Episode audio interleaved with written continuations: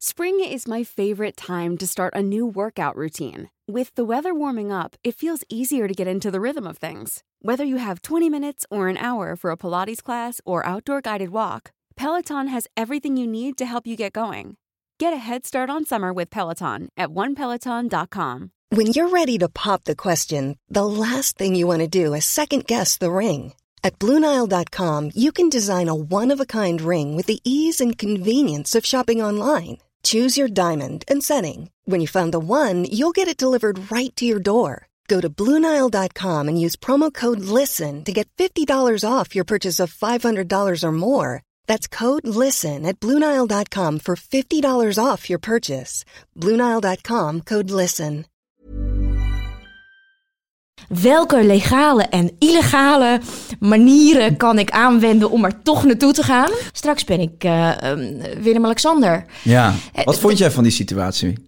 Fucking schijnheilig. Anders waren mijn moeder bleef vroeger tegen me zeggen: Ja, maar je bent een meisje. Maar je bent een meisje. Je kan niet met je benen wijd gaan zitten in een rokje. Wij denken dat als we niet ziek zijn, dat we dan gezond zijn. Maar dat, dat is niet waar. Dan vloog ik naar Beirut of naar Istanbul naar een leuke club. Echt? Ik zie onze relatie ook niet als iets wat 80 jaar goed moet gaan. Het, het zou morgen voorbij kunnen zijn, of overmorgen of volgend jaar.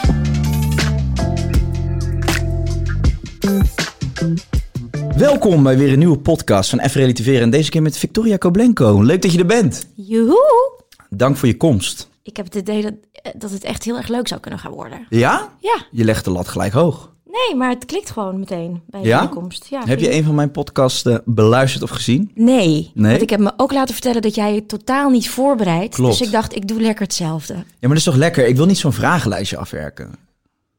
En ik ben ook bang dat je anders...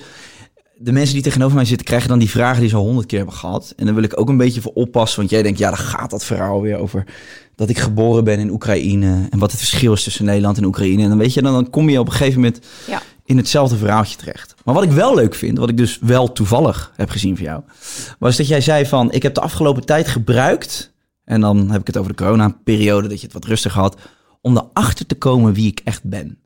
En we zijn nu acht maanden verder en ik vraag me af, weet jij ondertussen wie je echt bent? Victoria. Wie zit er tegenover mij? Eh, ja, ik denk dus dat, dat het ons ieder levenswerk is om daarachter te blijven komen. Het is ook niet zo dat het af is dat je een vinkje kan zetten van dit is wie ik ben. Ik denk dat het een eindeloze ontdekkingsreis is naar een soort tunen. Weet je? En je kan een auto van de garage halen die helemaal naar je zin is. En de volgende dag moet je toch weer de bandenspanning eh, checken enzovoort. En, en het profiel is dan ook weer iets versleter dan, dan de dag ervoor. Dus ik denk dat het Ehm, wat ik daarmee bedoelde, is denk ik dat ik meer naar binnen wilde kijken. Omdat we door eh, deze coronaperiode gedwongen zijn om naar binnen te kijken. Ja. En wat ben je daar tegengekomen? Veel onrust, Ja. veel, eh, veel moedjes. eh, een hoop ehm, dingen die de maatschappij ons voorschrijft. Dat, wat is bijvoorbeeld succes? Ik heb het idee dat we in een mal groot worden gebracht. Dat je, ja, dat je dus een bepaalde carrière, carrièreverloop dient te hebben. En dan ben je succesvol. En dan ben je, weet je, dat soort, dat soort dingen.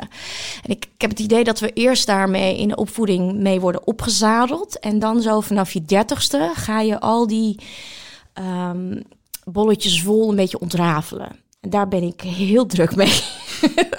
Maar volgens mij hebben heel veel mensen deze tijd eh, gebruikt om een beetje te filosoferen. En je gaat van de, de zesde versnelling naar de tweede, of misschien wel de eerste, vooral het begin. En dan kom je jezelf ook wel wat meer tegen. En in het begin had ik wel het idee dat heel veel mensen het een soort van prettig vonden. En dat er ook wel een soort van, ja, op een positieve manier naar werd gekeken van... maar als we hier uit zijn, dan gaan we dit anders doen. En dan ziet de wereld er anders uit. En we hebben dit nodig, we moeten geconfronteerd worden. Ja, Ik dat denkt misschien onze generatie. Ja, En ja, maar de rest niet. Ik heb het idee dat de mensen die iets ouder zijn, iets pessimistischer zijn en het idee hebben dat, eh, dat er een compensatiedrang komt voor al die vluchten die we nu niet kunnen maken naar al die mooie bestemmingen, dat we dat straks eh, extra gaan compenseren. Ja, om gewoon even in te halen wat ze gemist hebben. Ik vrees het. Ik hoop niet. Ja, ik heb altijd wel het idee dat, eh, dat zoiets eh, door je hoofd spookt, maar dat je toch wel heel snel in je oude patronen terugvalt. Ik ben wel heel benieuwd hoor. Kijk, ik, ik ben wel, we zijn nu acht maanden verder. Ik heb wel zoiets van, ik ben er wel echt vreselijk klaar mee. Ik kan weinig positieve, nog, positieve dingen nog bedenken op dit moment. En ik ben wel benieuwd. Ik denk niet dat de wereld helemaal teruggaat naar zoals we die gekend hebben. Maar ik vraag me wel af of al die dingen die je nu bedenkt, ehm, of je die ook volhoudt. Of dat stand houdt straks. Als de wereld weer teruggaat naar iets wat we gewend zijn. Wat denk jij daarover? Mm, nou, ik denk, dat, daar heb ik me dus afgelopen tijd behoorlijk in verdiept. Hoe, hoeveel moeite eh, het kost en wat je moet doen om je brein opnieuw te laten programmeren. Dus om eerst te ontrafelen welke software, waar, eh, waar loop ik nu op? Mijn systeem, zowel gezondheid als mijn mentale gezondheid. Ehm, en wat moet ik doen om een andere software te installeren? En ik denk dat je gelijk hebt dat, uh, dat het niet zomaar kan. Je schijnt, uh, wat is het, 64 dagen nodig te hebben om een nieuwe gewoonte aan te leren. En vanaf Ja. je 35ste gaat het nog veel langzamer. Nou duurt deze periode natuurlijk veel, eh, veel langer dan 65 dagen. Dus als we die goed hebben eh, gebruikt, Je dan hebt zou- inmiddels vier gewoontes kunnen afleren ongeveer. of aanleren. ja. ja, dat kan ook nog. Ja, maar ik denk, ehm, ehm, ik vraag het me af. Kijk, eh, het, het enige wat, wat ik vervelend vind aan deze periode, en dat ik vind het niet eens zo vervelend dat ik minder werk heb, want ik moest mezelf dus echt herdefiniëren als ik dan niet meer film en als ik niet meer op de planken en theater sta. Ja, mag ik mezelf dan nog wel actrice blijven noemen en komen er betere tijden? Of Ja. is dit gewoon de rest van hoe het theaterklimaat eruit blijft zien? Dat je eigenlijk nooit weet of je ehm, eh, ja, ergens mag. Ik, ik kom van de zomer bijvoorbeeld eh, Rusland niet in voor een ja, best wel prestigieus groot project. Daar was Mhm. ik echt ziek van. Ja. Ik heb er ook wel echt over nagedacht van welke legale en illegale manieren kan ik aanwenden om er toch naartoe te gaan. Naar de Rotterdamse haven, container geopend. Zoiets. tussen de tomaten richting Rusland. Ja, het had gekund. Er waren vlucht, vluchten met drie overstappen Ja. eh, die er 38 uur over deden. Hey, plaats maar Rusland is vrij open, toch? Als ik naar Nee, een nee. voetbalwedstrijd in Rusland kijk, zie ik gewoon 30.000 mensen in een stadion zitten. Dat klopt. Ze, ze volgen de richtlijnen niet echt. Oké. Ehm, maar goed, eh, nu dwalen we af. Mhm. Maar het idee dat ik nooit meer naar Bali kan, eh, drie maanden in de winter, eh, of een ander ver oord, omdat, dat, omdat, er, ja, omdat er een soort schaamte is op dat soort reisbestemmingen, dat stijgt me wel echt naar de keel. Ja. Dus ik zou, ik zou nog eerder een ander beroep kunnen. Eh Maar waar, aanleren. waar, waarom kan dat ineens niet meer? Ik bedoel, je vliegt één keer... Kan wel, maar ik denk dat het echt not done is om het zo vaak te doen als we het vroeger deden. Ja, oké, zo vaak. In, ik, ik- wat ik vooral vind is dat mensen die voor hun werk een uurtje naar Londen vliegen, een meeting hebben en dezelfde dag weer terug, dat vind ik belachelijk. Dus ik vind dat we dat allemaal wel op een andere manier kunnen invullen. Hè. We hebben ook gezien met al die Zoom-meetings dat dat anders kan. Maar ik vind het ook wel weer, ik zie mensen nu ook al die dan niet meer durven te zeggen dat ze op vakantie gaan, omdat de, de rest van de wereld daar dan een mening over heeft. Dat vind ik heel raar, een naar sfeertje. Nou, ik zou je zeggen, ehm, de, de vorige keer dat de maatregelen werden aangekondigd, toen zat Lef, dat is mijn man, en Mhm. eh, met ons zoontje, bij mijn schoonvader in Turkije. Die woont in Turkije. En ehm, ik had nog een draaidag voor een serie en ik stond dus echt op het punt van, ja, officieel mag ik nu niet eh, mijn familie achterna vliegen. En als ik straks dus dingen ga posten uit Turkije, dan denkt heel Nederland dat we op vakantie zijn. Wat we natuurlijk ook wel een beetje zijn. Niemand weet dat we daar familie hebben wonen. Maar ik heb dat dus expres niet gedaan, omdat ik dacht, ja, straks ben ik eh, ehm, Willem-Alexander. Ja. Eh, Wat vond jij van die situatie? Ehm, wat ik van die, ja, ik vond fucking schijnheilig. Ja. Excuse my French. Ja, ik denk dat je. eh, kijk, het feit dat het gebeurt en, ehm, en dat je dan excuses aanbiedt. Hij had geen excuses hoeven aanbieden, wat mij betreft, maar gewoon de he- heel Nederland kunnen laten gaan over hoe kut het was dat de timing zo slecht was. Ja. Maar als je je excuses aanbiedt en dan blijkt dat twee van je dochters er alsnog zijn, dat, weet je, dat Ja, maar die meiden mij- liepen lekker in Gersonisos. Alle barren zijn daar open. Die waren gewoon lekker aan het feesten. Belly Dat shots. kon echt niet. Maar weet je wat ik wel vond? Kijk, ik vond het dus niet kunnen omdat eh, de minister-president heeft gezegd... mensen, je kan nu niet naar Nederland inderdaad. Je schaamt je om te zeggen dat je naar het buitenland gaat. Maar ik vind, ik vind het persoonlijk best wel overdreven... dat ineens niemand meer naar het buitenland kan. En ik vind dat hij op vakantie naar Griekenland gaat... het zou mij echt aan mijn reet roesten, eerlijk gezegd. Maar je kan niet het hele land op een bepaalde, ja, toch wel hele belerende manier toespreken van jullie doen dit en jullie doen dat en het mag allemaal niet meer. om vervolgens de koning wel naar Griekenland te laten gaan. En dat excuus daarna vond ik inderdaad ook slap. Dan denk ik, ja, of had er dan gewoon achter gestaan, had gezegd, ja, ik heb een scheid aan. Had ik, persoonlijk had ik dat toffer gevonden. Nee, maar ja, dat doe je niet. Ik bedoel, er zal een per, eh, per team achter zitten die daar, eh, die daar echt wel zorg voor draagt. Maar ik vond het ook, oh, dan denk ik, jongens, als dit nou hetgeen is waar wij ons met z'n allen de hele tijd druk om gaan maken. Dan hoop ik toch dat dat 2020 snel voorbij is. Ach. Maar ik denk niet, ik, 2020 kan voorbij zijn, maar ik denk niet dat pandemieën voorbij zijn. Nee, nou ja. Begrijp je? Dus we moeten wel. En dat vind ik leuk aan deze tijd. Dat wij gewoon. In een andere tijd moet je jezelf in allerlei bochten wringen om in een soort vacuüm te verkeren waarbij je eh, creatiever wordt dan anders. En nu moet je wel. Ja, klopt. En dat vind ik er echt tof aan. Ja, dat vind ik ook. Ik, je wordt wel uitgedaagd. En ehm, je komt wel op dingen waar je normaal gesproken ja, helemaal de tijd en de ruimte niet voor had. Hey, maar even terug, want anders zitten we dadelijk te lang over pandemie en corona. En ik heb eigenlijk aan mijn luisteraars beloofd dat we het daar zo min mogelijk over hebben. Maar ik ben wel benieuwd. Je zei eh, op het moment dat je tot stilstand werd gedreven. Toen zei je van ja, weet je, en op een gegeven moment ga je dan naar binnen en dan ga je nadenken over wat is succes. En succes wordt toch vooral gedefinieerd ook zeg maar ehm, op basis wat de maatschappij als succes ziet. Dus dat is heel erg afhankelijk van oké, als ik dit haal, dan denk ik dat ik erkenning krijg van die mensen. Volgens mij is dat wat succes... En dat is dus die software Ja, die ik gedetecteerd heb waar ik vanaf wil. ja. Weet je, zo zijn er een hoop dingen die. Ehm, ik ben opgevoed in een land waar meisjes en jongens eh, ja, anders waren. En mijn moeder bleef vroeger tegen me zeggen: Ja, maar je bent een meisje. Maar je bent een meisje. Je kan niet met je benen wijd gaan zitten in een rokje. Je kan niet met je benen op tafel. Eh, weet je, allemaal. allemaal En zie nu. precies. Ehm, en, en zo een hoop van dat soort dingen wat je allemaal wel als meisje wel of niet hoort te doen. En dat, dat leeft ergens nog wel in mij. En Ja. ik zie het dan als mijn taak om het als onkruid te, te, te detecteren en om het dan ook te gaan wieden. En nou, Maar tot welke leeftijd denk je dat we het meest geprogrammeerd worden? Ik heb wel eens gelezen tot zeven. Dat alles wat je tot je zevende leert, dat dat heel belangrijk is. En daarna denk ik dat je middelbare schooltijd ook heel belangrijk is. Dat daar allemaal traumaatjes ontstaan en onzekerheden, et cetera. traumaatjes ontstaan, eh, volgens mij.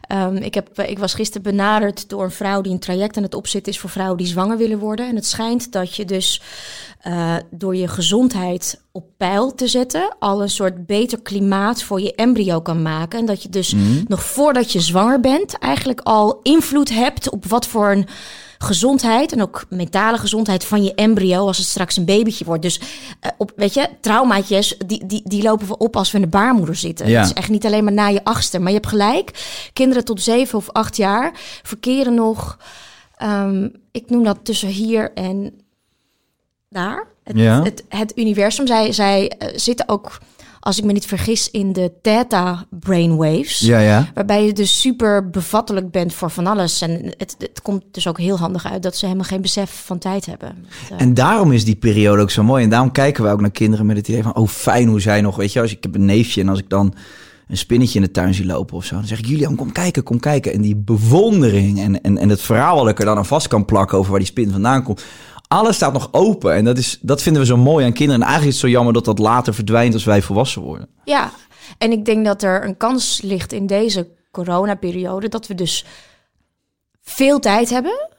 Maar we, we hebben de kwaliteit en het talent voor dat verwonderen, dat, dat zijn we kwijt. Ja. En ik denk dat het best wel iets moois is om proberen te, terug te herwinnen. Lukt je dat? Ehm, ja, nou ja, ik merk dat ik, doordat ik nu niet opgejaagd word, dat ik wel met mijn zoontje dingen kan doen waar ik normaal gesproken... Nee, mama heeft geen tijd. Eh, eh, ga hier even een filmpje kijken. Of eh, ja, dus ik, ik ben wel ook een beetje dankbaar voor deze tijd. Al, al, al heb ik gewoon veel minder werk. Ja. Maar je, maar, maar je hebt het wel over eigenlijk de invloeden van buitenaf. Hè? Als we het hebben over succes en wat bepaalt wat succes is, de mening van anderen. Je wordt geprogrammeerd vanaf klein meisje door je moeder, door je school, door je leraren, vriendjes, vriendinnetjes. Maar ik heb wel het idee dat jij, eh, althans op dit moment wel iemand bent die zich ook wel weinig aantrekt wat anderen van je denken. En dat je best wel goed bent in open zijn, vertellen wat je denkt, zonder dat je dan heel erg rekening houdt met wat de rest van de wereld daarvan vindt. Dus Ik denk dat het zo lijkt. ja, Ja. Ik maar je bent dat, wel heel open ook in interviews altijd. Mm, ja. Lijkt dat maar zo? Nee, nee, ik ben wel open. Maar ik realiseer wel dat, dat weet je, dat hoe. hoe netjes de journalist ook is en hoe, hoeveel mogelijkheid je krijgt om dingen te, ehm, binnen een context te plaatsen. Er komt altijd een dikke kop met Ja. gouden letters, die vervolgens in de roddelblaadjes. vers- En dat is wat de meeste mensen gaan zien. En niet dat in de context genuanceerde interview. Die Eh. podcast van een uur die alle kanten op ging. Maar vind je, denk je dan niet wel eens, ja, ik stop gewoon lekker met interviews schrijven? Ehm, nee, want ik denk dat, eh, dat, eh, dat dat een beetje hoort bij, bij dit vak. En dat je dan... Ik denk wel vaak na van, moet ik überhaupt niet stoppen met het vak? ja, nee. Want, En, en waar, waar komt die gedachte vandaan? Hoe wordt die versterkt dan? nou, omdat, er, om, omdat ehm, ik het lekker zou vinden. En dat is dus waarom ik zo bezeten ben van reizen maken naar landen waar, waar eh, haast nooit iemand komt. Waar je dus geen McDonald's en eh, geen, geen eh, ehm, eh, ATM's hebt waar je Ja. geld uit de muur kan trekken. Omdat je, als je daar bent, kan je pas eerlijk naar jezelf in de spiegel kijken en denken: wat ben ik zonder al die spullen en al die hakjes en tasjes en Instagram? Ehm, wat ben ik en kan ik hier gelukkig zijn? En als het antwoord ja is, dan, ja, dan voelt het toch een beetje als een overwinning. Dat maar hoe, hoe zou, hoe zou dat perfecte plaatje eruit zien dan? Hmm. Stel je voor dat je alles los mag en kan laten. Even zonder na te denken over de consequenties. Hoe zie jij jezelf het liefst? Oh, ik zou best in Iran of in Bhutan of in India kunnen eindigen als een, eh een meditatie-teacher. Ja? oh ja hoor, dat zie ik wel. Of als een eh shamaan. Ja? In- maar dan wel in Peru en dan kom ik langs. Waarom in, Peru? Dat vind ik zo mooi. Dat, Je dat, wil een ayahuasca-sessie doen. nou ja, weet ik nog niet. Wil ik ooit wel een keer doen. Ik ben heel geïnteresseerd eh, in ayahuasca, maar ik heb op dit moment nog niet per se die drang of dat gevoel. En ik denk dat je echt vanuit binnenuit voelt dat je daar ready voor bent. Maar ik vind Peru wel, ik weet het niet. Het heeft iets, iets mythisch bijna. Ik vind, eh, ik ben er nog nooit geweest. Ik wil er graag een keer naartoe. En als ik aan een shamaan denk, dan denk ik eigenlijk als eerst aan Peru. Tof. Ja, ben je daar wel eens geweest? Ja, ik heb er ooit doorheen gereden. Ik heb een eh, autorally gereden van eh, Brazilië naar Peru. Nee, wat vet voor een programma. Nee, voor de lol. Echt? Ja. Zo, dat vind ik kick.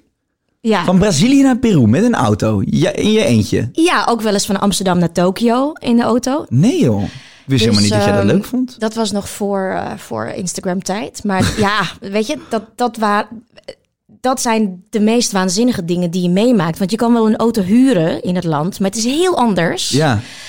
als je echt in de krochten ehm, van zo'n land komt. Dus ja, Bolivia en Peru waren toen heel erg leuk met de auto. Wat vet. Hi, I'm Daniel, founder of Pretty Litter. Did you know cats tend to hide symptoms of sickness and pain? I learned this the hard way after losing my cat, Gingy. So I created Pretty Litter, a health monitoring litter that helps detect early signs of illness by changing colors, saving you money and potentially your cat's life. Pretty Litter is veterinarian developed, and it's the easiest way to keep tabs on your fur baby's health right at home. Go to prettylitter.com and use code ACAST for 20% off your first order and a free cat toy. Terms and conditions apply. See site for details. Een rally, ik zou dat ook wel een keer willen doen. Heb jij, jij hebt Moeten trouw- er niet een keer... Nou ja, oké. een rally doen? Ja. Ja? Lijkt me hartstikke leuk. Waar gaan we dan naartoe? Nou, ik zou dit ritje van Bolivia-Peru best nog wel dunnetjes over willen doen. Kan ik jou niet afzetten in Rusland? Nee, in Rusland zijn echt de meest kutte wegen Maar op dat is toch aarde. ook leuk? Dat je Ik heb juist... daar twee keer doorheen gereden. Dat is 8000 kilometer vlak. Dennenbossen.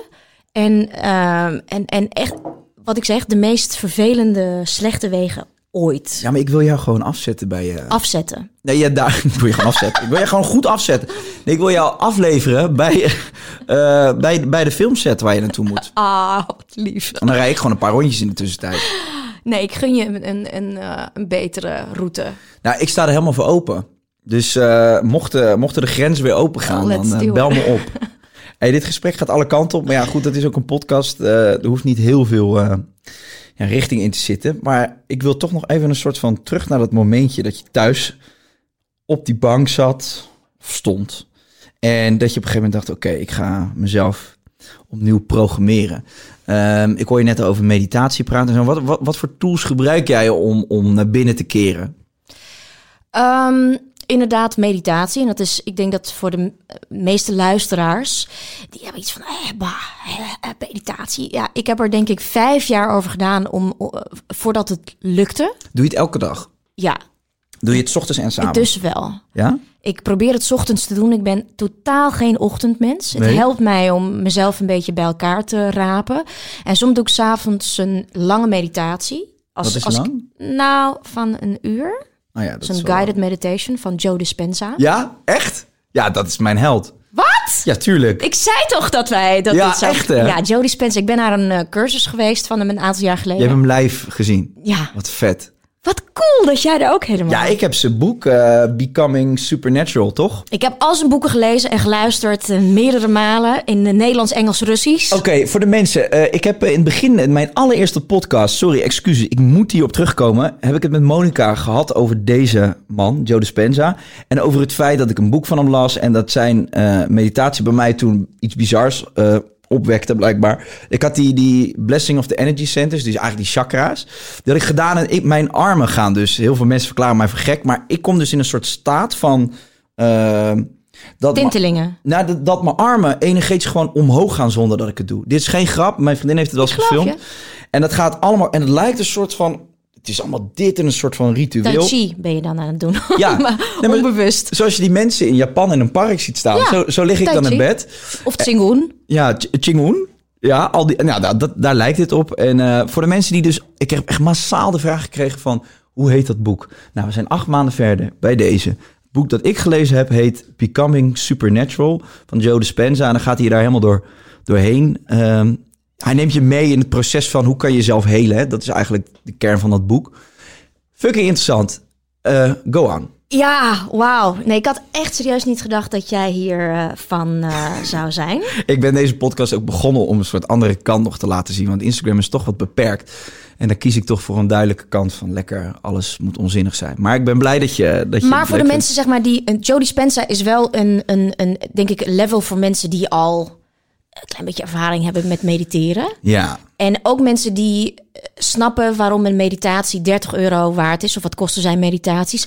It's really worth it. en er staan er ook een paar op YouTube die je gewoon kan luisteren. Ja. Die zijn gewoon geript. En er zijn ook mensen die hem nadoen. Dus op zich. Er staan trouwens ook een paar eh, luisterboeken, ripped, op YouTube. Die je gewoon acht uur lang eh, kan luisteren. Ja. Nou, dat, dat was mijn hobby afgelopen acht maanden. hey, maar ik had, ehm, ik had, om terug te komen op je vraag, ik had een eh Vipassana meditatie staan. Dat is tien dagen lang, Ja. ergens in een, eh, ehm, ja, in een oord, eh, twaalf uur per dag mediteren. En dat, dat ging niet door. Dus Waar dat, was het? eh, dat Welk was in? België. Oké. Maar Ik dacht, je gaat dat, nu dat Tibet is meer zeggen. als je kinderen, kinderen hebt en je bent tien dagen ehm, niet on-air. Ja. dat is best wel lastig. Maar het liefst zou ik hem natuurlijk ergens in een warm land doen. Ehm, dus ja, toen dat niet doorging, dacht ik, ik moet, eh, ik moet dat op een andere manier opvangen. Ik heb heel veel ademwerk gedaan. Trouwens, ik zou best een ademtherapeut eh, kunnen, kunnen worden. Ik ben nu op zoek naar een opleiding om dat te doen. Ja, ik ben zelf eh, ook begonnen tijdens corona met die... Mensen gaan nu denken, dan komt hij weer met het verhaal. Zag het met, met Mr. Ja, Breath. ja, ja, en die hebben, daar hebben een, eh, hebben een webinar mee gedaan. Maar ik, eh, dat Wim Hof ademhalen doe ik iedere ochtend. En soms als ik echt een gestreste dag heb, doe ik het s'avonds. Maar ik hoor daar nu heel veel mensen over. Vertel, wat, wat ben jij aan het doen met ademen? Nou, ehm, kijk, het is eh, lastig in een podcast om, om, om het voor te doen. Maar ik denk dat, dat mensen voor zichzelf moeten opzoeken welke ademhalingstechnieken ze bijvoorbeeld kunnen doen om in, eh, in, in vijf minuten rustig te worden. Ja. De toiletmeditatie. Eh, Doe dat jij het op, op het toilet? nou, kijk, nogmaals, men- mensen die kinderen hebben en die dus thuis eh, moesten werken afgelopen periode. Toilet is, lijkt het enige plekje in huis te zijn waar je, waar je gewoon even niet bent. En bij ons kan het toilet niet dicht van binnen. Dus zelfs in het toilet ben ik niet, eh, niet veilig voor mijn zoontje. je kan ook niet tegen Lef zeggen dat je iets anders aan het doen bent. En hij ziet gewoon dat je aan het ademen bent. Dus dan zegt hij, ja, Vic, kom op. Pak, pak die kleine even over van me, want eh, je bent al tien minuten aan het ademen nu. Ja, 10 minuten hoeft niet eens. Maar als mensen gestrest zijn, en je moet, je moet bij jezelf eigenlijk net, net als met een luizenkam, ehm, door je mentale staat van zijn kunnen kammen en kunnen traceren van waar sta ik nu? Ik heb zo'n eh, Fitbit in mijn... eh, ik heb het nu even afgedaan. Zo'n horloge, En ja. dan kan je dus elke keer invoeren eh, of je gestrest bent of niet, of wel. En, dan- en dan gaat hij dat samen met je adem, met je, kom lekker uit mijn woorden. Maakt niet uit, we hebben een uur. Ehm, dan gaat hij dat samen plakken met je hartslag. Ja?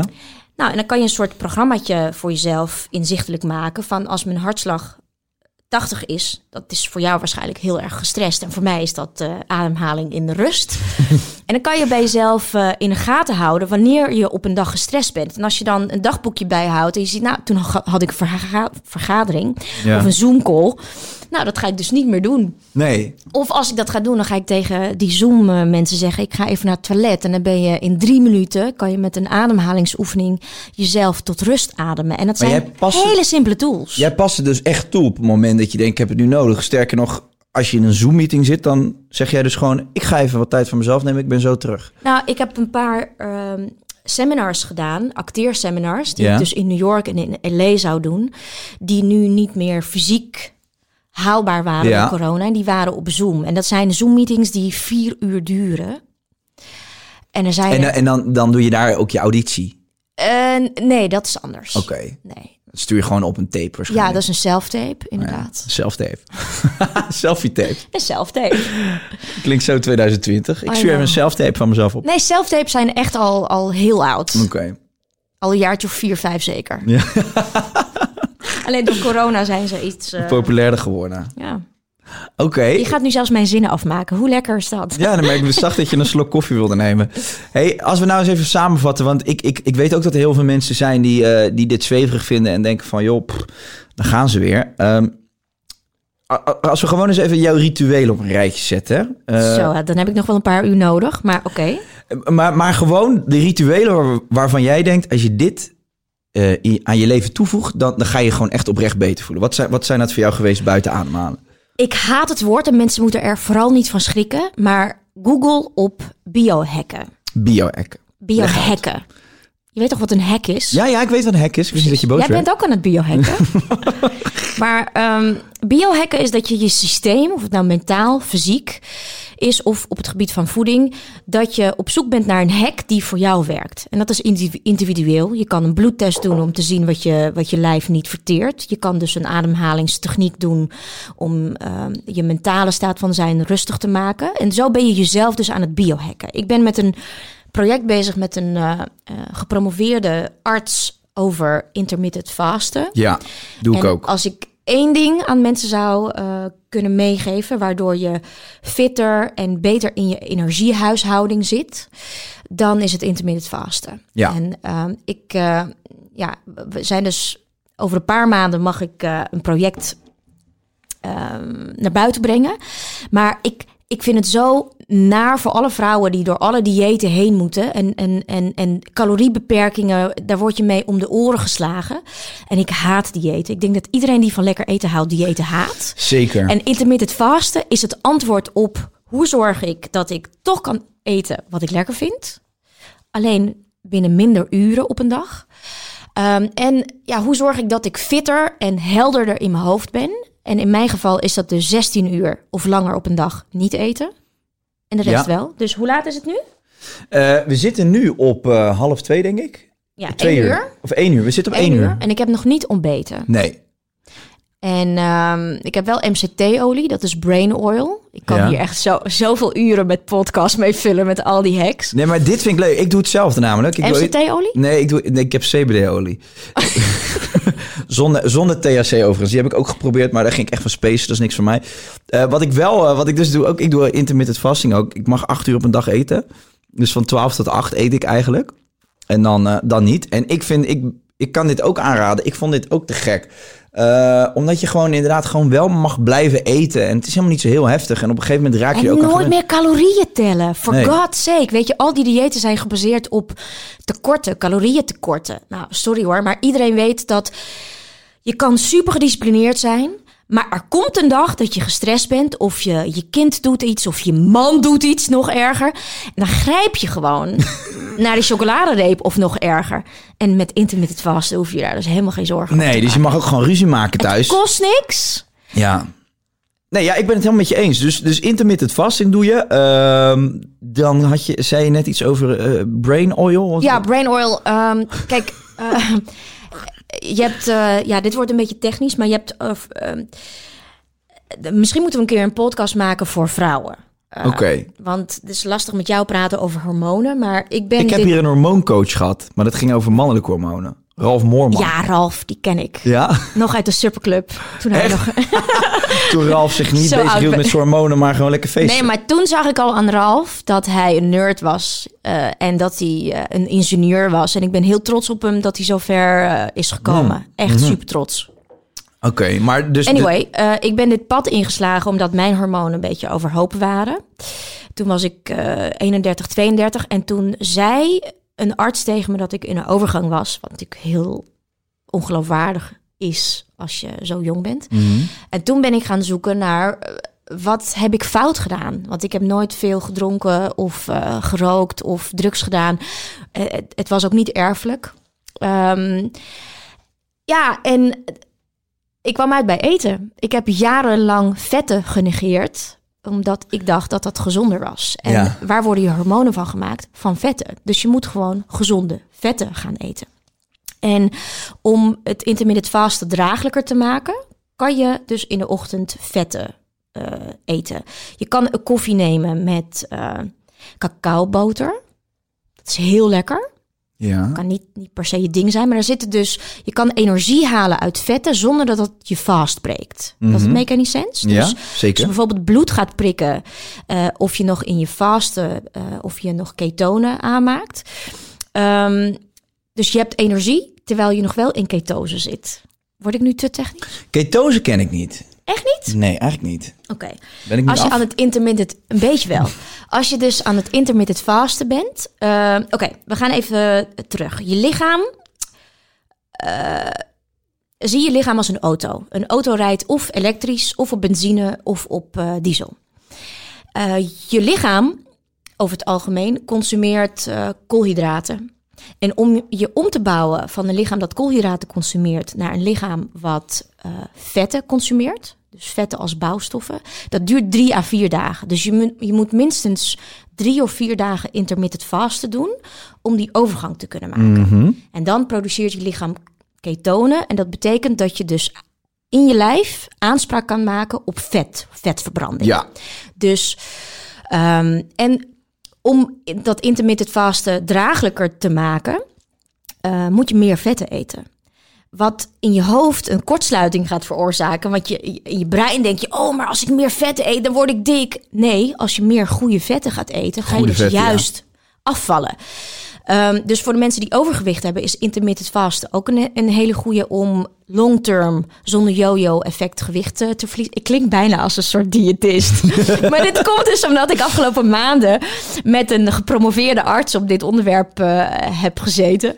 Maar dit is wel iets wat je de afgelo- sinds de afgelopen maanden pas allemaal Nee, doet. ik doe dit al twee jaar. Ja, En ik ben dus een, een project aan het opzetten met een arts en daar, daar ben ik vijf maanden mee bezig. en dat valt alles samen of zo. Daar komt alles... Ja, dat, dat komt eigenlijk omdat, of dat, dat verklaart waarom intermittent fasten eh, voor iedereen is. Weet je, het, het is niet, ik ben niet, ik heb geen overgewicht, jij ook niet. En toch, toch doen we aan intermittent Ja. fasten. Omdat je daar voordelen voor je brein van. eh, Ja, plus, ik denk niet dat de mensen die naar je luisteren oud zijn, maar het is een hele goede methode om jong te blijven. ja, Intermittent fasten. ja. Ik heb het gelezen. Dus. Dus wil je jong blijven, eet niet voor 12 uur en niet na 8 uur. En binnen die acht uur kan je dus eten wat je wil. Maar je zal merken dat hoe meer koolhydraten je eet, vooral s'avonds, hoe moeilijker het wordt de volgende ochtend om het vol te houden. Dus als je zorgt dat je laatste maaltijd op een dag, dat daar lekker veel avocado's of boter of voor mijn part een vet stukje vlees zit, dan wordt het de volgende ochtend dus makkelijker voor je om het zonder eten vol te houden. Of je moet die MCT-olie in je koffie doen of in je thee. Oké, en die MCT-olie, dat zijn dan weer de vetten die je mist? Of is. MCT-olie? Oké. Alright. MC ja. Alright, MCT. Ik ga hier stoppen, want anders kan ik echt nog Ja, een ik denk dat doorgaan. ik vind, nee, maar ik vind het super interessant. En ik ben ook eigenlijk door, eh, door dat corona-verhaal eigenlijk vooral bezig geweest met van hoe kun je je immuunsysteem verbeteren. Ik was eigenlijk gewoon, ik ben dus echt, ik vind het immuunsysteem zo ongelooflijk vet. Dat je een soort afweersysteem hebt dat gewoon raketjes afschiet op het moment dat er iets binnenkomt wat daar niet hoort. Ehm, wat ik dus heel raar vind, hè. Dan zit ik nu al acht maanden lang zit ik naar talkshows te kijken. Alleen maar geneuzel van, van virologen, hè, met alle respect. Ik, maar we, weten we weten het nu. En er zit geen één keer... Nu wordt het interessant. Gisteravond voor het eerst bij Bo. Eh, niet voor het eerst trouwens, hij was er een paar maanden geleden volgens mij. Ik weet, Bo is hier ook geweest. Ik heb het met Bo ook over Wim Hof gehad. Dus ik weet dat hij er fan van is. Wim Hof die zijn verhaal mag doen. Maar er zijn nog zoveel andere artsen die jou goed kunnen helpen bij je immuunsysteem. Waarom krijgen die geen plek? Mijn god, please. Vitamine was- D, C, zink. Vertel het hele verhaal. Kom ik op. weet het. Nou, Magnesium. ma- mag ik daar iets over zeggen? Wat ik Nee, denk dat er, dat, dat er wat, wat structureel fout is aan het systeem zoals het eh, eh, in Nederland is. Kijk, het is natuurlijk een godsgeschenk dat we zo rijk zijn in Nederland dat we een ziektekostenverzekering hebben. Want dat betekent dat als we ernstig ziek worden, dat we dan kosteloos, bijna kosteloos, eh, hele dure behandelingen in het ziekenhuis kunnen krijgen. Maar dat heeft door de jaren heen een ehm, heel passief gevolg gehad hoe we naar onze gezondheid kijken. Dus eh, als je niet ziek bent, dan doe je proactief niet zoveel aan eh, je gezondheid. Ja, precies. In Rusland, waar ik dus vaak werk, Ja. zijn mensen, omdat ze niet zo rijk zijn en omdat ze dus eh, moeten opletten dat ze niet als ze straks opeens kanker of een andere, andere nare ziekte krijgen, eh, dat ze dan zich failliet moeten betalen in een ziekenhuis voor een behandeling, doen ze dus, hebben ze een veel proactievere houding, hoe ze zichzelf kunnen monitoren jaarlijks. Dus daar gaat iedereen standaard elk jaar een zeer uitgebreide bloedanalyse doen. Waardoor je ook meteen ziet van... hé, hey, ik heb een behoorlijk tekort aan zink. Hé, hey, ik heb Ja. een behoorlijk tekort aan... En weet je, meten is weten. En in Nederland wordt nooit iets gemeten... totdat je een keer ziek bent. En dan nog moet je bij de, bij de huisarts onwijs op je knieën smeken... oh, mag ik alsjeblieft, alsjeblieft mijn hemoglobine meten? Want vrouwen hebben in Nederland vaak een ehm, ijzertekort. Terwijl in... Zwitserland zijn er ijzerklinieken voor vrouwen waar je een eh, infuus kan nemen. Ik wil de infusie niet de hemel inpraten. Daar zijn ook nadelen aan. Maar ik denk dat bij de helft van Nederlandse vrouwen... eh, dat hun hormoonhuishouding... of eh, ik bedoel energiehuishouding... een stuk beter zou zijn als ze gewoon een keer een, eh een ferritine... een, een ijzerinfuus zouden nemen. En die passieve houding zorgt ervoor dat we in Nederland... een beetje op onze billen zitten en niks doen. Dus als er dan een keer een arts komt die out of the box kijkt en die zegt: eh, je moet gewoon standaard tweevoudige portie zink, vitamine C en vitamine D nemen. Ik denk zelfs een drievoudige. Eh, het voedingscentrum. Dat, dat, dat vond ik zo naar aan die hele discussie over vitamine D. Is dat ze, eh, dat ze gewoon niet meteen willen bekennen dat mensen nu extra moeten slikken. Dat, vond dat, dat is gewoon echt bizar. Zijn echt heel veel mensen die gewoon zeggen... luister, we komen zeker in een land als Nederland echt vitamine D tekort. Maar dat is wat ik als eerste heb gedaan Altijd toen de, al, de golf eh, eh, uitbrak in maart. Ik ben naar een, eh, ik heb mijn bloed laten testen Mhm. en ik heb gekeken waar heb ik tekorten en wat moet ik slikken. En ik heb gigantische porties zink ingeslagen, vitamine D en ascorbinezuur. En dat ben ik met elke maaltijd gaan eten. Dus ascorbinezuur is, het wordt ook beter opgenomen als je dat met een maaltijd doet en dan een soort schepje erbij. Ehm, bovendien worden al, al je vitamines, als ik me niet vergis, beter opgenomen als je daar een beetje vitamine C bij doet. Oké. En ik sprak een hematoloog, dat is een arts die dus eh, eh, eh, ge- gespecialiseerd is in bloed. En die zei dat er onderzoeken zijn van World Health Organization nog uit de jaren 70, waarbij blijkt dat je opname in het ziekenhuis tot 30% verkort kan worden als je deze vitamines slikt. Ja, nee, maar ik En ben dat het. Mhm. vroeger dus in je ziektekostenpakket zat. Dus ik zit nu te denken van... wij besteden zo godsgruwelijk veel geld... om mensen in het ziekenhuis te houden voor corona of voor andere dingen. En als we dus die vitamines voor ze zouden vergoeden... zouden we 30% korter in het ziekenhuis als we al opgenomen worden... Eh, ja, dus weet je, Maar hoe ergens komen we hier dan? Want dan kom ik, dan kom ik word ik nu... Ik weet Ik al denk wat dat ik nu jij ga en ik zeggen. gewoon kom een ik in de- ziektekostenverzekering moeten beginnen voor mensen die hiermee bezig zijn. Die proactief bezig zijn met hun gezondheid. Ja, want je, je zegt echt iets heel interessants. Wij denken dat als we niet ziek zijn, dat we dan gezond zijn. Maar dat, dat is niet waar. En eh, inderdaad, ik, ik las even zo... Ik zat laatst ook een podcast te luisteren. Sorry dat ik zijn naam niet weet nu. Van een man die hier helemaal in zit. Die zei ook van, ja, we- wij proberen inderdaad gewoon gezond te blijven. Maar wij gaan niet tot het uiterste om. Ons lichaam is zo rekbaar, zeg maar. Onze, Dat is dus mijn hobby afgelopen acht maanden maar geworden. Ik, ik vind dat ook interessant. En dat is dus wel een voordeel van de, van de coronacrisis. Dat ik me daar dus ook in ben gaan verdiepen. En of dat met ademhalen te maken heeft, koud douchen, vitamines of mediteren. Eigenlijk alles draagt bij. Eh, ik vind ook gewoon, ik, ik geloof ook dat, eh, en dat zegt Joe Dispenza ook vaak van. Veel ziektes komen voort uit stress hè? En, en dingen die opgelost moeten worden, die je mentaal moet zien te helen. En daar is ook vrij weinig aandacht voor. En ik vind ook wel, Nou, omdat het een beetje woehoe het, klinkt. ja, het is zweverig En en, als je een alternatief. CEO bent of je bent echt eh, een, een stoere jongen, dan doe je niet aan woehoe. En ik denk dat het, nou ja, aan, aan eh, mag ik je type noemen? Mhm. Types als jij is om juist die, die groep, jonge groep mensen een beetje uit het woehoe te halen. En ehm, eh, ja, het, het heeft gewoon in eigen hand te nemen. Van zelfs als je 20, 25 bent, of, of zoals ik toen 31 en in de overgang. Als iemand mij toen verteld had dat ik gewoon meer goede oliën moet eten, of goede vetten. Ja.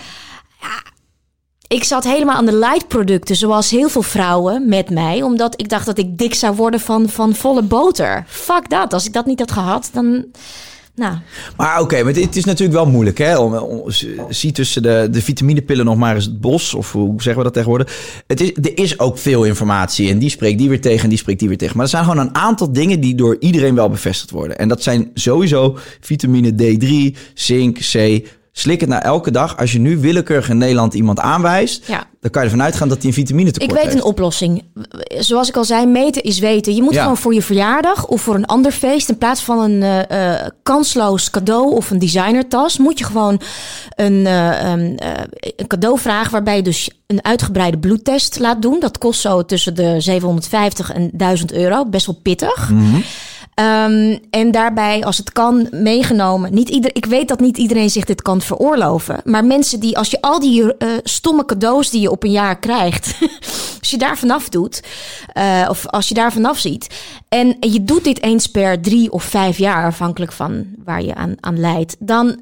Weet je van jezelf al, wat je, want we moeten ook niet zomaar wat gaan slikken. Weet Nee, je? Ik ben niet niet. voor dat je gewoon naar een drogist gaat en dat je dan, eh, weet je, bij de beetje of dat. bij Kru- kruidvat allemaal vitaminepillen ha- pillen haalt waar zoveel troep in zit waar je helemaal niks aan hebt. Nee, Want eens. nee, je moet gewoon weten wat je tekort komt en dan ook echt volgens de richtlijn innemen. Het is allemaal best wel een precies werkje. En, en dan komen we weer terug bij dat biohacken. En op het moment dat je dan een half jaar lang Oh, mag ik nu een zijstraat nemen? Dus een Tuurlijk. bloedtest is een ding. Maar je hebt ook iets als een oligotest. Een oligotest is een eh, test die je binnen vijf minuten kan doen. En die meet niet in je bloed, maar in je weefsel. Wat voor tekorten je hebt. Wat voor zware metalen je hebt. En eh, dat kost geloof ik iets van 75 euro. Ja. Dus eh, stukken minder. Er zit wel een grotere afwijking in van, wat was het, 5 à 10 procent. Dus Mhm. betekent als je hem vijf minuten later doet, zou het kunnen zijn dat die 10 procent afwijkt. Ja. Maar globaal weet je dan waar je tekorten liggen. En dat is volgens mij voor kerst of voor, een, eh, voor eh, 14 februari een goed cadeau om te vragen. Het is wel een heel creatief cadeau. Gooi die boekenbonnen weg en geef elkaar een bloedtest. Ja. Hey, en, en daarbij, hè, het, is, het is ook leuk om hiermee bezig te zijn. Het klinkt allemaal heel ingewikkeld. En, en, en- maar het is gewoon leuk om te kijken van hoe kan ik zo gezond mogelijk Het is worden. gewoon sexy om gezond te zijn. Ja, het is toch lekker, man. Weet je, dat je gewoon denkt van, oh ja, ik heb hierover nagedacht, daarover nagedacht. En ik voel me gewoon goed, fris, lichamelijk, maar ook geestelijk. Dus eh, voor mij hoeft daar helemaal geen taboe op te zitten. En ik vind ook gewoon inderdaad, ik heb wel het idee hoor, want tuurlijk, weet je wel, dat zweverige imago wat het, wat het lange tijd heeft gehad. Of misschien ook wel een beetje het zeurderige imago van iemand die, oh kijk, mij is bezig zijn met mijn gezondheid. Ik, dat is wel wat aan het weggaan hoor. Ik heb wel het gevoel dat het bespreekbaarder wordt en dat mensen het interessanter vinden eh, vinden. En dat er door internet ook heel veel informatie beschikbaar is eh, gekomen. Dus eh, ik heb wel het idee dat het aan het veranderen is. Ehm, Victoria, ik heb wel het idee dat jij heel erg bezig bent met je gezondheid. En dat je daar eh, eh, nou ja, best wel veel discipline voor hebt. Maar wat zijn dan de dingen in het leven waar jij af en. Ja, je hebt discipline om dat allemaal... Je moet dat allemaal bijhouden, was toch? ergens zo'n tegelwijsheid. Discipline is eh hoogste vorm van zelfliefde.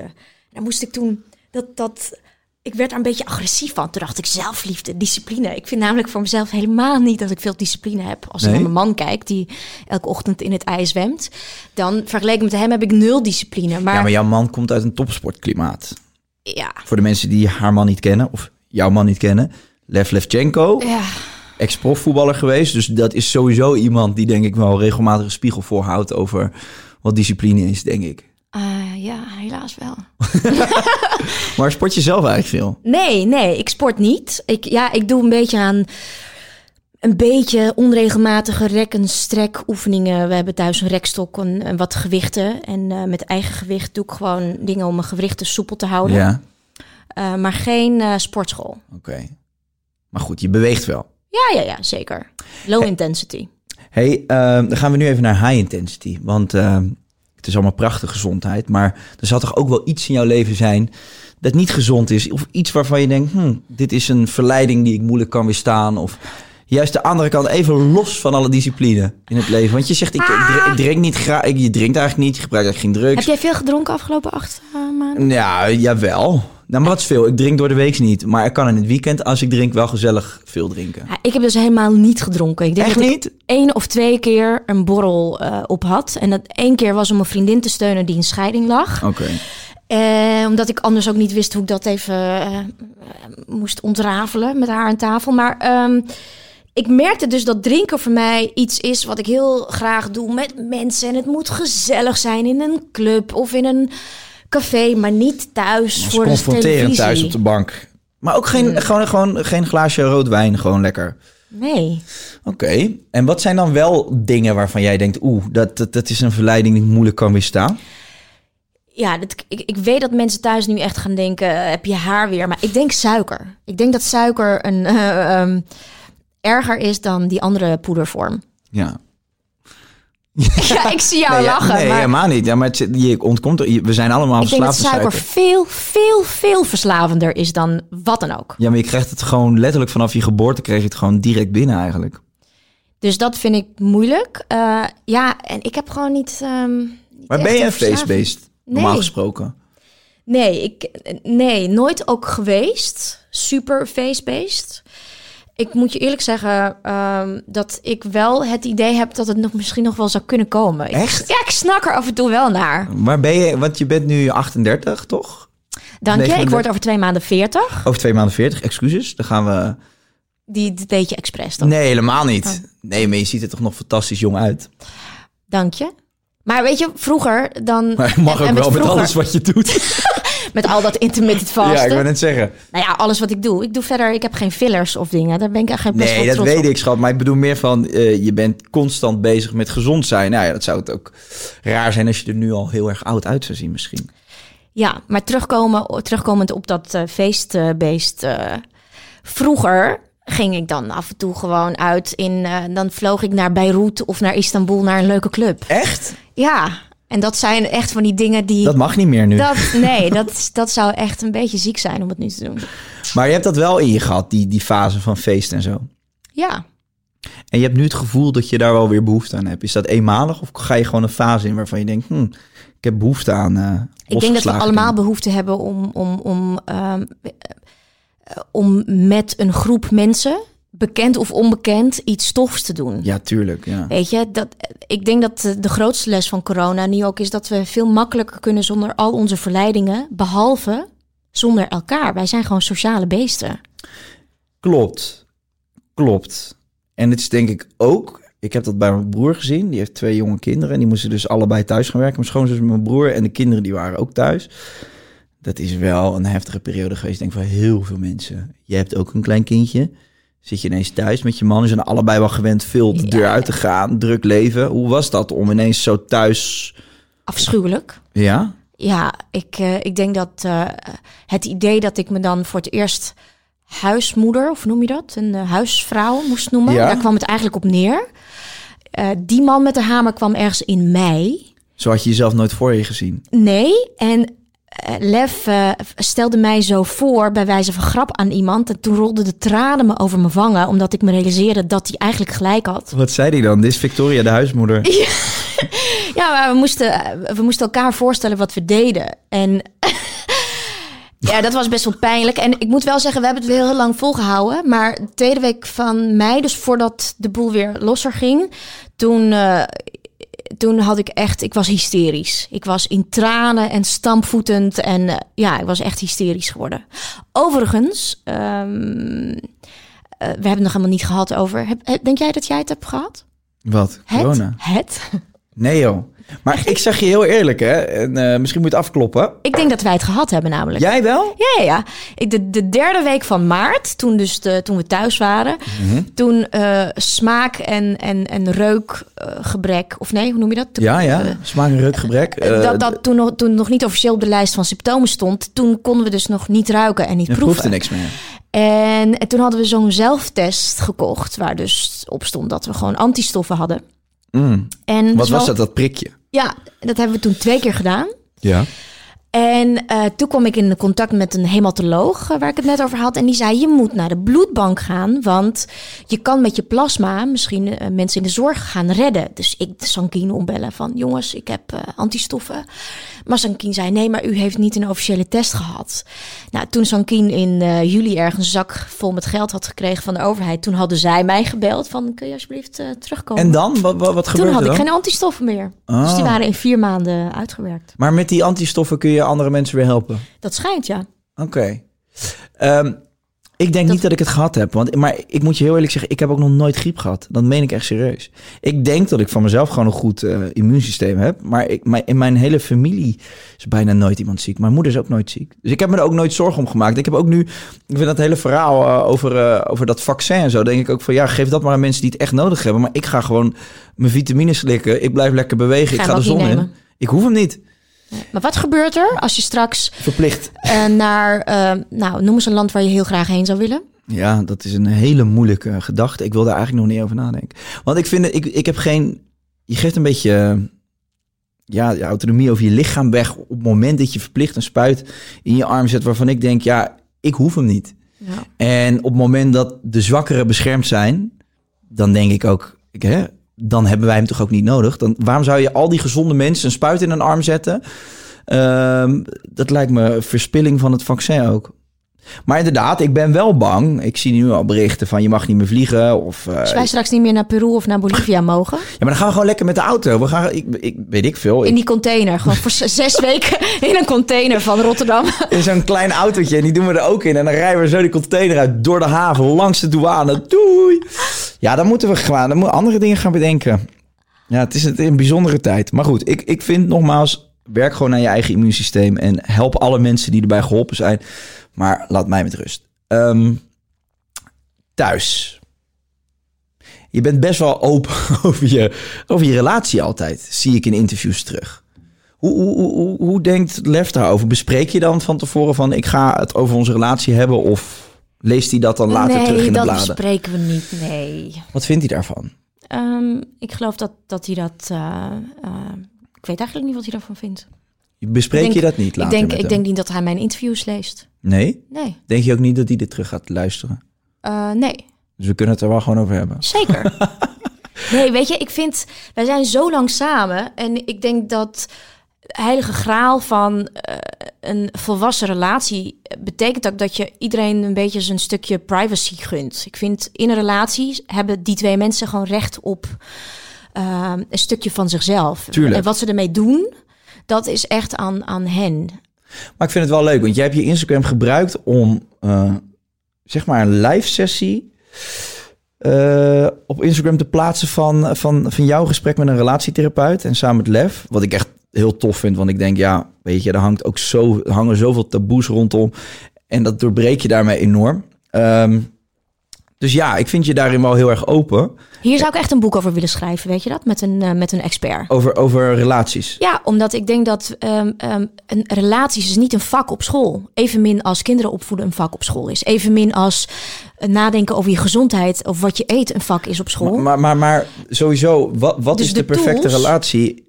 En, en, en Maar er zijn natuurlijk wel communicatietools of dingen die je nooit anders leert. Tenzij je uit een, weet je, uit een heel stabiel nest komt waarbij je ouders een ideale relatie hebben. Ja, hoeveel, hoeveel zijn daarvan? Maar oké, maar ik ben helemaal voor. Relatietherapie, als je vindt dat dat nodig is en je denkt dat je je relatie daarmee kan redden en je bent daarmee helemaal gek op elkaar en dat is het meest fantastische wat er is. En zeker als je kinderen hebt, denk ik dat je dat altijd moet proberen. Maar gewoon een open vraag, hè? zonder daar een waardeoordeel aan te hangen. Is het niet ook zo dat we onszelf in de maatschappij heel erg hebben opgelegd? En ik denk ook wel dat dat gestimuleerd wordt door Hollywood, alle romantische plaatjes, dat het 80 jaar goed moet blijven. Is dat, Ja, verschrikkelijk. Wa- waarom, waarom leven we niet in fases? Hè? Ik heb dit al eerder besproken, ook in deze podcast. Maar vooral omdat jij daar eh, zo open over bent en over relatietherapie praat, leg ik die vraag ook bij jou neer. Zit je niet gewoon je leven constant in fases waarin op dat moment een partner heel goed bij je past, maar misschien tien jaar later niet meer? Hoe, hoe, moet je dan altijd vasthouden aan die persoon en, en, en met, met therapeuten en zo dat, dat proberen te lijmen? Of kun je ook gewoon zeggen, hey, we hebben tien hele mooie jaren gehad. Wellicht is het er niet meer. Hoe, hoe, denk, hoe Oh, kijk jij daarnaar? Nou, daar ben ik helemaal eens. En, en ik zie onze relatie ook niet als iets wat 80 jaar goed moet gaan. Het, het zou morgen voorbij kunnen zijn, of overmorgen, of volgend jaar. En, ehm, ehm, en dan zou ik dezelfde conclusie, conclusie kunnen trekken als wat je nu zegt. Maar Ja. wat ik met therapie bedoel, is niet dat je ziek bent en dat je dan in therapie moet, maar dat je ehm, patronen tegenkomt in jezelf. Nee, ben ik met je eens. En weet je, het is hetzelfde als als je voetbaltraining hebt en je kan een bepaalde manoeuvre niet maken. En dat je daar coaching in krijgt van iemand die er gewoon, eh, die dat honderden keren met andere mensen heeft gedaan. En die heeft een heel klein simpel trucje hoe je het anders kan bekijken. Eh, of hoe je het anders kan aanvliegen. Dus dat is wat voor mij relatietherapie is. En overigens, het is niet zo dat we elk jaar bij de relatietherapeut hangen. Maar er is af en toe iets wat terugkomt. Bijvoorbeeld kritiek. Lef kan heel slecht tegen kritiek. Wel als het van de trainer komt, maar niet als het van mij komt. En dat is een terugkerend ding. Ik kan weer heel slecht tegen andere dingen. en dan ga je op zoek, waar komt dat vandaan? En hoe kun je dat en- doorbreken? en- want ik wil niet in elke ruzie eh, of in, in, in elke woordenwisseling op mijn tenen lopen. Want het kost gruwelijk veel energie en tijd. Ik wil gewoon kunnen zeggen wat ik wil. Ja. Zonder dat hij eh, in zijn ego ge- gekrenkt is. En daar is denk ik die, die communicatietool voor. Maar als, dat staat wat mij betreft los van het gevoel. ja. Dus dat ge- als het gevoel er niet is, of je nou kinderen hebt of niet, dan moet je uit elkaar. Maar je zegt dat je er een, een, een boek over zou willen schrijven. Omdat je er blijkbaar heel veel over hebt geleerd de afgelopen tijd. En omdat je zelf in die situatie hebt gezeten. Wa- waarom zou je dat graag willen? Wat, wat, wat zou je in dat boek, hoe zou je dat boek samenvatten?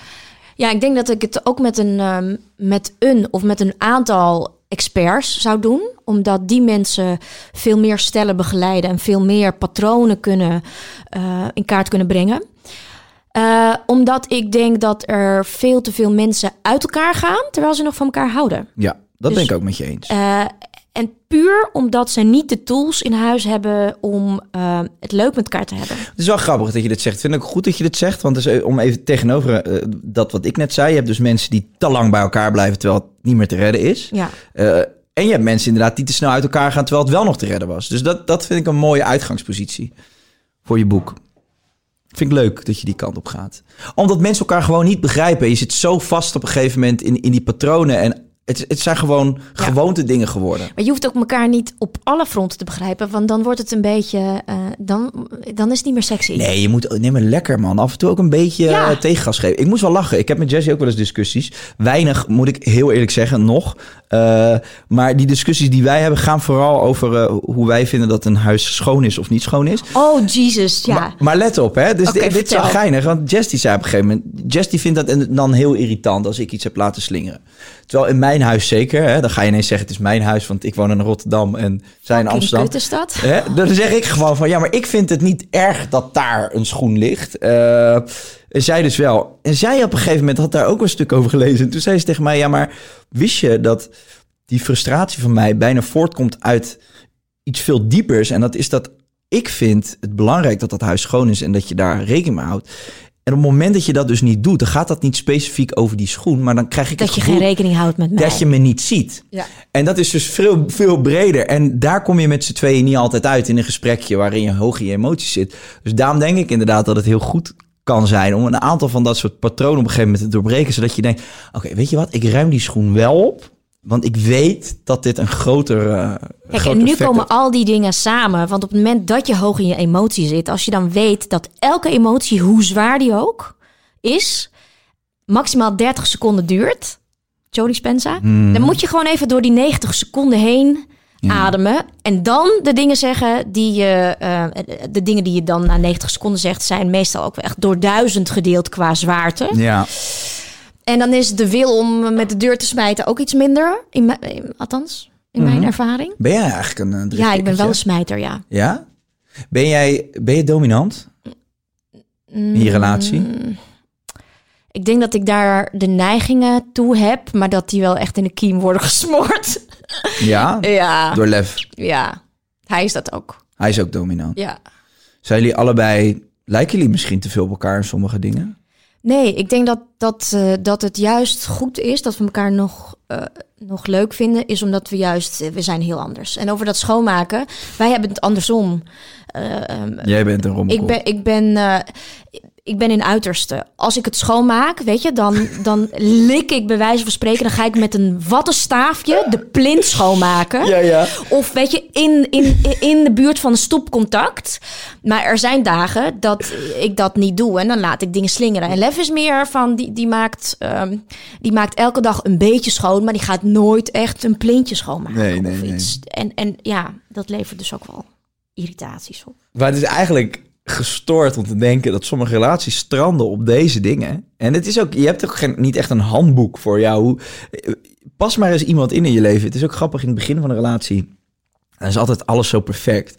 En weet je wat dan grappig is? Op een gegeven moment hoor je mensen wel zeggen... ja, ik begon ineens die kant van mijn partner te zien. maar tegelijkertijd ben je zelf ook... eh, eh, je bent meer jezelf, waardoor je sneller irriteert. Want ik weet nog, in het begin worden al die irritaties worden verblind door de liefde. Je ziet ze niet eens. En op een gegeven moment, als je wat meer jezelf wordt... dan, dan, dan komt die irritatie ook meer naar buiten. Terwijl je die normaal gesproken gewoon met een, de mantel der liefde bedekte. En dat is gewoon grappig. Daar is niet een handboek voor. Daar moet je gewoon met z'n tweeën uitzien te komen en een weg in zien te vinden. En eh, die weg, eh, die kan hobbelig zijn. Dat is een weg zoals je die tegenkomt in Rusland. met gaten erin. Zou je met, eh, zou je met Rally kunnen rijden of is dat te heftig samen? Oeh, dat is een hele, hele goede vraag. nee, maar serieus. En dat komt omdat de eerste rally die ik reed, ehm, eh, was... eh, een vriend van mij organiseerde die rallies, daarom heb ik er zoveel gereden. Ehm, de eerste was van Amsterdam naar Singapore en dat duurde vijf weken. En er deden Jeetje, twintig wat vet. cabrio's mee. En een heleboel mensen deden mee met hun vrouw. Mhm. En een paar van die huwelijken, die, eh, die Zijn waren kapot. niet meer in Ja. Singapore. Dus eigenlijk moeten wij het samen doen. Ja, ik denk dat eh, dat, dat eh, ja, veel. Weet je, dan heb je elkaar ook meer te vertellen.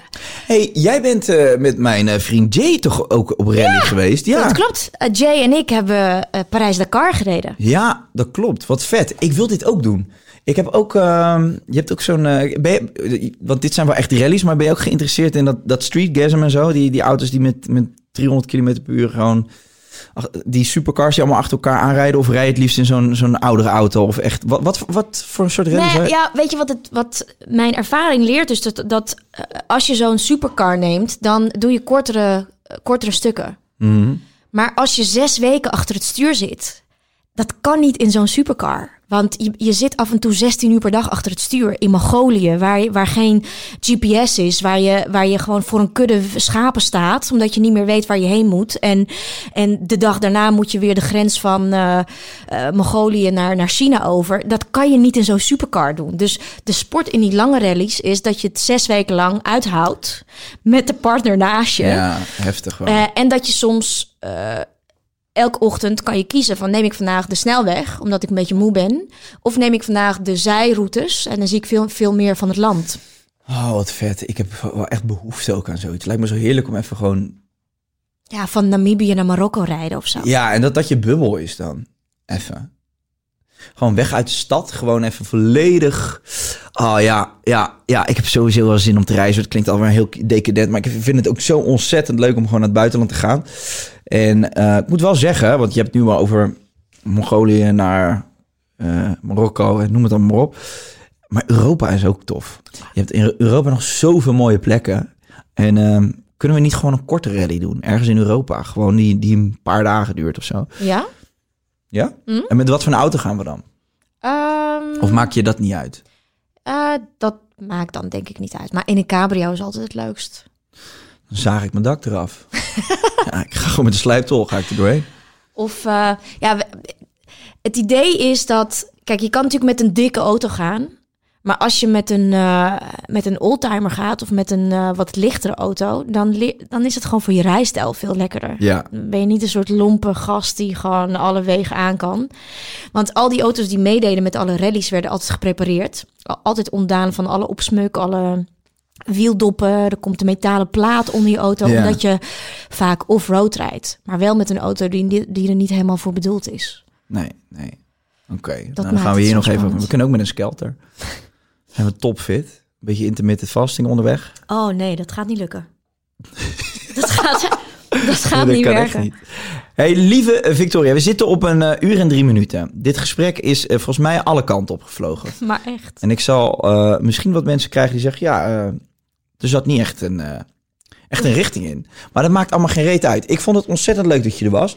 Ik zou je ook willen vragen om, om nog een keer terug te komen... als je dat leuk vindt. Eh, want ik wil op een gegeven moment een kliekje met vaste gasten... die gewoon eens in de zoveel tijd gewoon even komen vertellen... wat ze bezighoudt. Mm, Dus bij deze, eh, we hebben volgens mij nog Dankjewel. 30.000 dingen die we kunnen bespreken. absoluut. Vond je het leuk? Ja, ik vond het heel leuk. En het, het heeft me oprecht verbaasd Mhm. ehm, dat je deze diepgang opzoekt. Echt? Ja, Waarom? ik weet. I don't know. Wat dacht je dan van mij? Ehm, Wat, was je, had je niet zoiets van, ja, wat ga ik er dan zitten doen? Want je had ook geen podcast beluisterd. Dus je wist ook niet dat het deze kant op kon gaan. nou ja, ik had wel het idee. Ik, ik denk dat jouw management mij een keer of vier had gemaild. En het kwam er steeds niet van. Het kwam er Mm. steeds niet van. Ehm, dus en ik, ik, ja, ik heb het idee dat ik op dit vlak wel iets te vertellen heb. Dus ook al had je andere vragen gesteld. Had je het gewoon die kant op gedraaid. Ja, Ja. ja. maar mijn management heeft vier keer gemaild. En iedere keer was jij met ademhalen bezig op het toilet waarschijnlijk. Ja, ik was zat waarschijnlijk gewoon mijn stress weg te puffen. Nee, ik ben heel blij dat je alsnog weggekomen. En eh, ook, Jas, ook goed om te weten dat ons management eh, toch nog enigszins goed werk levert. Hè? Dat ze vasthouden. Hey, eh, jullie allemaal bedankt voor het kijken en luisteren. Ja, reageer, abonneer. laat weten wat je ervan vond. Stel vragen aan, aan dokter Victoria, want die weet alles over gezondheid. En je ziet ons bij de volgende rally. Het zou wel leuk zijn als we dan halverwege een podcastje opnemen over de stand van zaken. Uit eh, Bolivia, Peru of zo. Ja, doen we. Hey, dankjewel. Doei doei!